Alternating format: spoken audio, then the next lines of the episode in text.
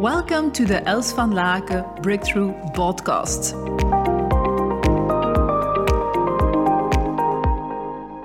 Do you compare yourself with others? And the question is, what do you see when you compare yourself with others?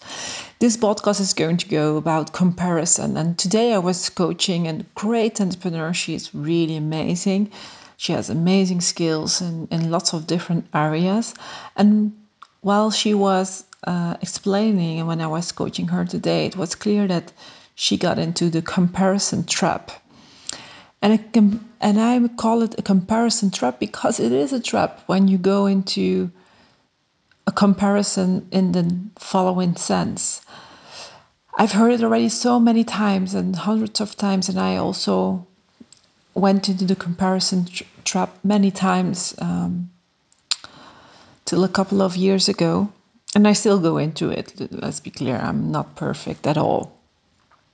What is a comparison trap? So, is it bad to compare with other people? Not really, when you use the other people as a kind of role model or an inspiration source, a source of inspiration, it's quite okay. But what do, do I see lots of people do? They compare themselves with others, and the only thing they see from the others is the elements where the others are better than they are.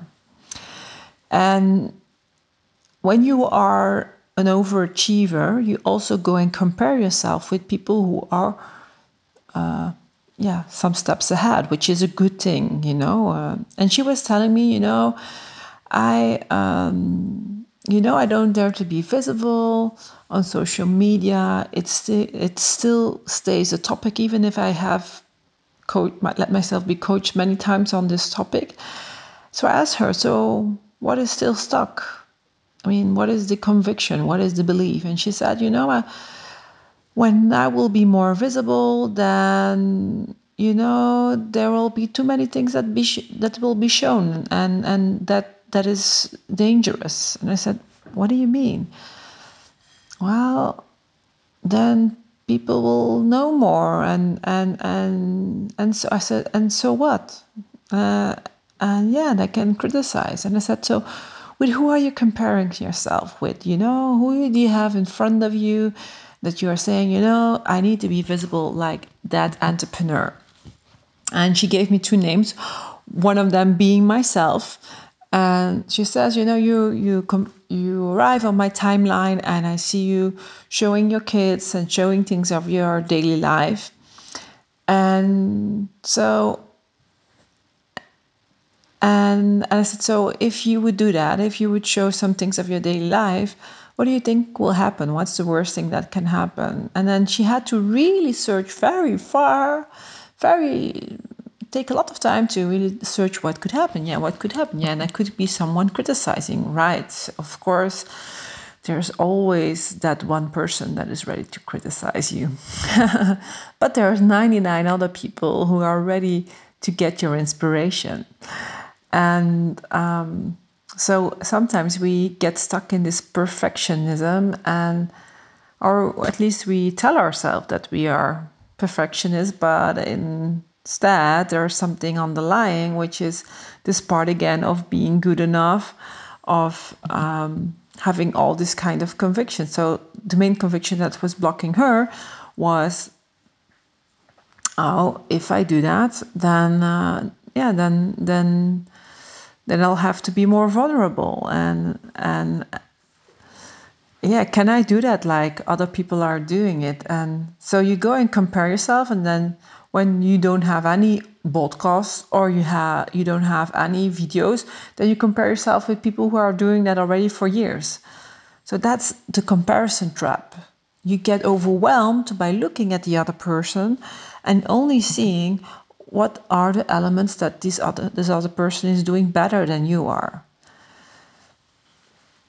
Well first of all i mean it's not the first time that the client takes me as a role model and it's a good thing in the sense that they can get inspired by me so that's okay. But don't compare yourself on elements and not compare yourself on other elements. There's many elements on which that beautiful entrepreneur is better than i am. She just doesn't look at them because she's just looking at the elements which can be improved. How many of you recognize? Do you recognize yourself in that? When you are a achiever and you're listening to this podcast, then you probably recognize yourself into this. But what if you would start also, you know, looking at, at it from a healthy way? Because when you are looking in and when you're going into comparison trap, nothing is moving forward. And I've done it too, you know, like she is saying, she, she, she starts looking at people, looking at her role models, and then she says, you know, I don't want to show, for example, uh, my kids or and, and, and or any other things and that's okay. And i told her also you have to do it on your own way. That's playing big in your business is what do you want and how do you want. That's for me playing big. You know i also did it you know in the past and the beginning when i had my second company that i started i had to create a website and i was the whole time I think I was trapped in it for three weeks or something, or even more. I think two months maybe, comparing myself with others and looking at websites of others, and I couldn't get even one page of the website like live because I was the whole time thinking, oh my god, they can uh, they, I was overwhelmed by looking at all these things that others were doing great, and I couldn't see anything at that moment from of myself which I was doing great, which was stupid because I got lots of positive comments on my mailing that I was doing at that time. So you just compare yourself in that comparison trap, and then you're just totally blocking yourself and and you're getting into this kind of impasses and you're getting in this kind of lockdowns it's not helping you. So again, when you compare, make it as a like a healthy comparison, get inspired by these people. You know, that's the reason also why, by the way, I don't look almost at any of my competitors because I'm very focused on my company and building my company. And um, that's also quite uh, giving me, it's giving me lots of peace also because I I don't know what all my colleagues are doing and sometimes you know probably I should be looking I don't know maybe once every three months but I'm I'm so focused on building the, my own company my focus is so clear I'm not looking at others and that makes me yeah at ease peaceful.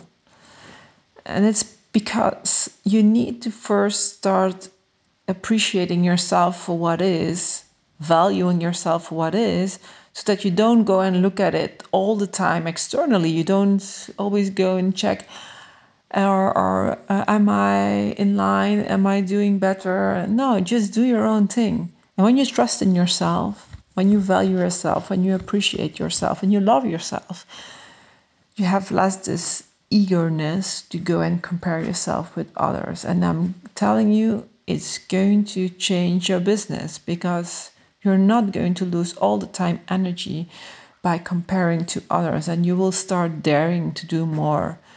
Um, and that's something i believe in. Uh, start before you're ready or do things just you know like before you yeah before you know everything about certain things. And i like that it's perfectly imperfect uh, at least you're inspiring people to do it differently and to change lives and to change the world.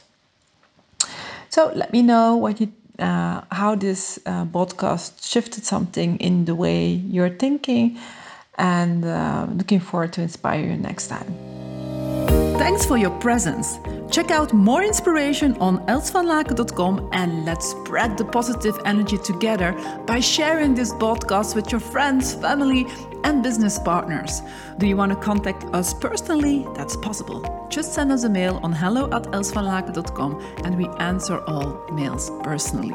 Talk to you soon!